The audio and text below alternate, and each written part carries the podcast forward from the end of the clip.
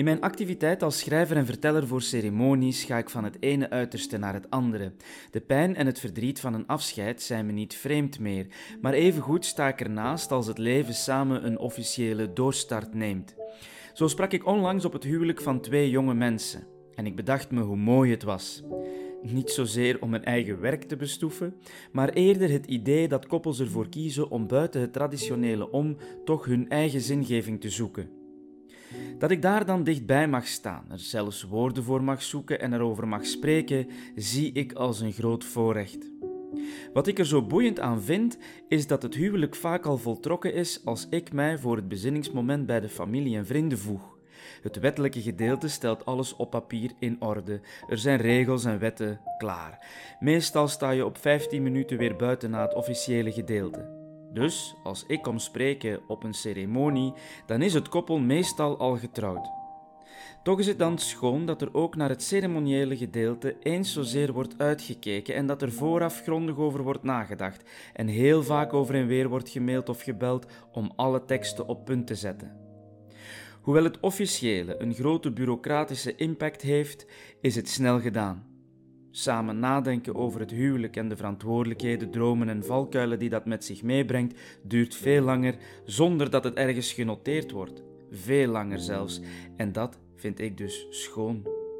De hele wereld loopt zichzelf voorbij, maar af en toe mogen we nog eens stilstaan bij de liefde en het leven. Want wat is trouwen? Wat zoeken we in de ander? Waarom verschillen partners van elkaar? Wel, tegenpolen trekken elkaar aan, dat hebben velen al aan de lijven ondervonden. Je hebt tegenpolen nodig om stroom te krijgen. Als we spreken van wisselstroom, dan gaat het van het een naar het ander en van het ander naar het een. En wat daartussen ontstaat is iets nieuws, iets bijzonder, iets uniek, iets waar je niet meer zonder kan. Stroom, liefde, Liefde die doet groeien. Liefde als eten en drinken. Liefde als medicijn. Liefde die altijd de liefste zal zijn. Ook in de natuur zijn tegenstellingen nodig om tot groei te komen, want zowel zon als regen zijn belangrijk om vruchten te krijgen.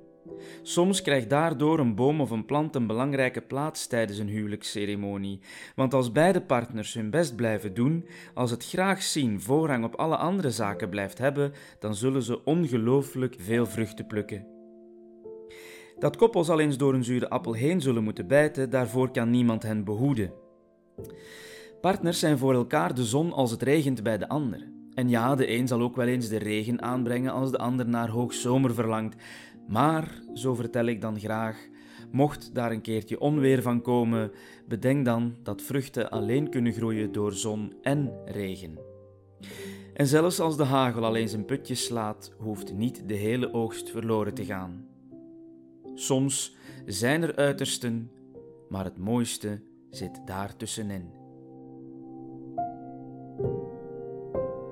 thank you